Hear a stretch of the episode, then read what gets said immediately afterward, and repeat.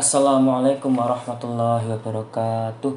Bismillahirrahmanirrahim. Alhamdulillahilladzi adhabal anal hazan. Inna rabbana la ghafurun syakur. Alladzi awjaba alaina bifi'lil ma'mur Wa tarkil mahdur. Asyhadu an la ilaha illallah Wa asyhadu anna muhammadar rasulullah Sallallahu alaihi wasallam. Wa ala alihi wa sahabih Amma ba'du. Para saudaraku semua Para saudara jamaah.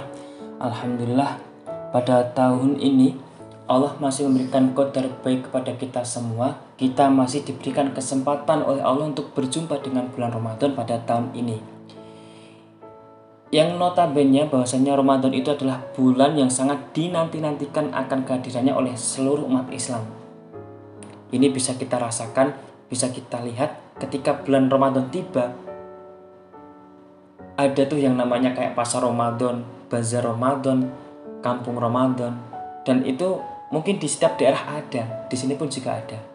Ini merupakan suatu euforia yang sangat luar biasa sekali yang ada ketika kedatangan bulan Ramadan. Ini menunjukkan bahwasanya kehadiran bulan Ramadan ini disambut dengan penuh keikhlasan, penuh senang hati oleh seluruh umat Islam di mana pun berada. Bahkan malaikat pun juga ikut menyerukan bulan Ramadan dalam hadis Sunan Anasai dijelaskan, Ya bagi al khair haluma, ya bagi syar uqasir. Yang artinya, wahai orang-orang yang menghendaki kebaikan, maka bergembiralah, bergembiralah. Wahai orang-orang yang menghendaki keburukan, tahanlah dirimu. Kalau dalam hadis Sunan At-Tirmidzi juga dijelaskan, Warongima an furajulin dakhala alaihi Ramadan suman salah qabla ayyuk farolah. Warongima anfu artinya gruwung irunge kalau dalam bahasa Jawa Maksudnya adalah rugi bagi seorang laki-laki ketika datangnya bulan Ramadan kemudian selesai bulan Ramadan dia tidak mendapatkan ampunan atas dosa-dosanya. Maka bulan Ramadan tahun ini kita jangan menjadi golongannya orang-orang yang merugi. Perlu diingat di samping amal-amal baik harus dikerjakan akan diterima dan dilipat gandakan maka di sisi lain amalan buruk, amalan jelek pun juga akan dicatat. Maka di samping kita harus bergembira akan kehadirannya bulan Ramadan, kita juga harus hati-hati. Kita jangan sampai memperbanyak amal-amal yang jelek. Seperti itu. Bulan Ramadan ini juga adalah bulan yang penuh rahmat Idza kana Ramadan futiyat abwabu rahmah wa gulikat abwabu jahannam wa sulsilat asyaitan. Yang artinya ketika bulan Ramadan itu tiba, maka pintu rahmat akan dibuka, pintu jahanam akan ditutup dan setan-setan akan dibelenggu. Maka bulan Ramadan tahun ini menjadi kesempatan kita untuk memperbanyak amal ibadah, menjadi kesempatan kita untuk meningkatkan keimanan kita. Sabda Rasulullah sallallahu alaihi wasallam, "Kullu amali bani Adam yud'afu al hasanatu aslu amsalihha ila sab'ami'ati dhi'fin." Qala Allah azza wa jal ila saum fa innahu li wa ana ajzi bihi yada'u syahwatahu wa ta'amahu min ajli. Artinya Rasulullah sallallahu alaihi wasallam bersabda setiap amal dari ibni Adam, dari anak turun Adam akan dilipat gandakan. Satu kebaikan akan menjadi 10 kebaikan, bahkan sampai 700 lipatan kebaikan. Kemudian Allah bersabda, "Qala Allah azza wajal ila saum fa innahuli." Kecuali pahala bagi orang-orang yang mengerjakan puasa, maka pahalanya khusus aku yang memberikan. Mengapa demikian? Karena ajizi bi yada'ahu syahwatahu wa ta'amahu min ajli. Karena mereka telah meninggalkan pada syahwatnya, meninggalkan pada rasa lapar, rasa haus demi diriku. Maka aku Allah lah sendiri yang akan memberikan pahala kepada orang-orang yang berpuasa. Ini merupakan salah satu keutamaan yang luar biasa dari bulan Ramadan. Para saudaraku semua, Alhamdulillah di dalam jamaah ini kita memiliki program 5 sukses di dalam bulan Ramadan seperti sukses puasa, sukses sholat tarawih, sukses tadarus Al-Quran, sukses Lailatul Qadar, dan sukses zakat fitrah. ini semua adalah beberapa poin yang harus kita sukseskan, harus kita kerjakan agar kita bisa meningkatkan amal ibadah kita, memperbanyak amal ibadah kita dan meningkatkan keimanan kita. Mungkin ada juga dari kita semua yang di situ masih belum bisa mensukseskan atau belum terbiasa dengan mensukseskan lima poin tersebut.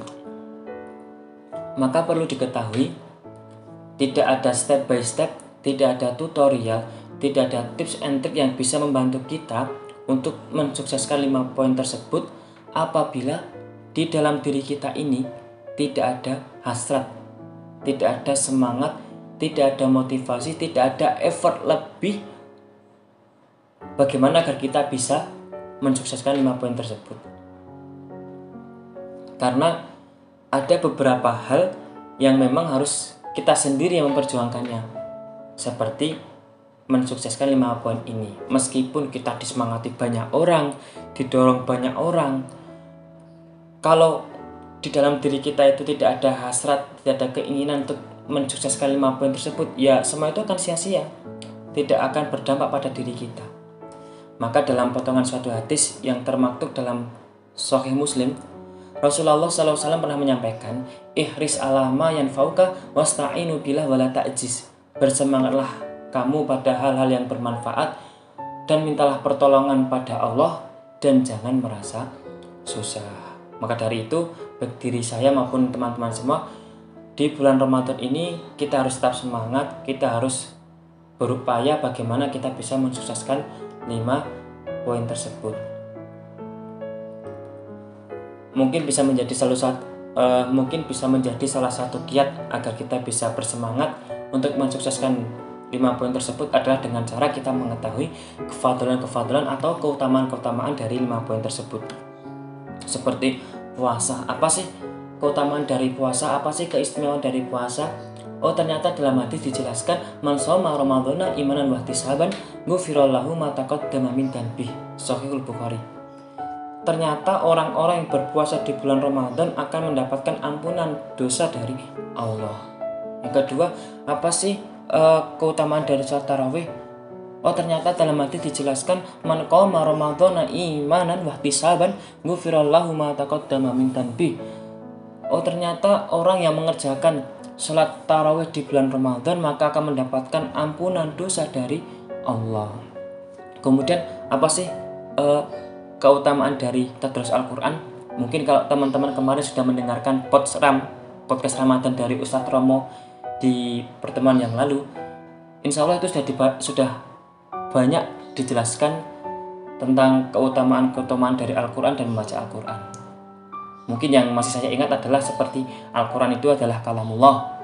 Segala perkataan Allah ada di Al-Quran, maka barang siapa yang ingin berbincang-bincang dengan Allah, maka bacalah Al-Quran. Yang kedua adalah Al-Quran itu khairu jalis, sebaik-baiknya teman. Sebab Al-Quran, orang itu bisa dimasukkan ke dalam surga apabila selama hidupnya Al-Quran ini menjadi pegangan hidup. Dan orang itu bisa didorong atau dalam bahasa Jawa dijorok nih ke dalam neraka apabila semasa hidupnya dia melalaikan Al-Quran. Dia tidak menjadikan Al-Quran sebagai pedoman hidupnya. Dan ada lagi keutamaan dari membaca Al-Quran adalah setiap huruf yang ada di dalam Al-Quran itu mengandung 10 kebaikan. Bayangkan saja apabila di situ kita membaca satu ayat atau tiga ayat atau satu rukuk atau bahkan satu juz berapa banyak pahala yang telah kita dapat. Ini adalah salah satu atau beberapa keutamaan yang kita dapat apabila kita bisa mensukseskan poin sukses tadarus Al-Quran. Yang keempat adalah Lailatul Qadar. Apa sih keistimewaan dari Lailatul Qadar? Ternyata dijelaskan dalam satu ayat Lailatul Qadari khairu min alfi sahar malam Lailatul Qadar itu lebih baik daripada seribu bulan. Kalau kita kalkulasikan kehitungan tahun dunia, maka seribu bulan ini adalah kurang lebih 83 tahun lamanya. Maka beruntung bagi orang-orang yang bisa menjumpai turunnya malam Lailatul Qadar dalam keadaan beribadah. Karena sama halnya mereka telah melakukan amal ibadah selama kurang lebih 83 tahun. 83 tahun. Dan yang kelima adalah zakat fitrah. Zakat fitrah sendiri ini uh, mungkin sudah disebutkan dalam beberapa ayat dalam hadis bahwasanya zakat ini bisa memberikan atau bisa membersihkan dan mensucikan diri kita, bisa membersihkan dan mensucikan harta-harta kita. Karena di dalam harta kita ini masih ada hak-hak yang harus disampaikan kepada orang-orang yang membutuhkan. Kalau dalam surat At-Taubah ayat 103 dijelaskan khut min amwalihim sedekah tutahhiruhum wa tuzakkihim biha wa sholli alaihim. Inna sholataka sakanul lahum wallahu samiun alim.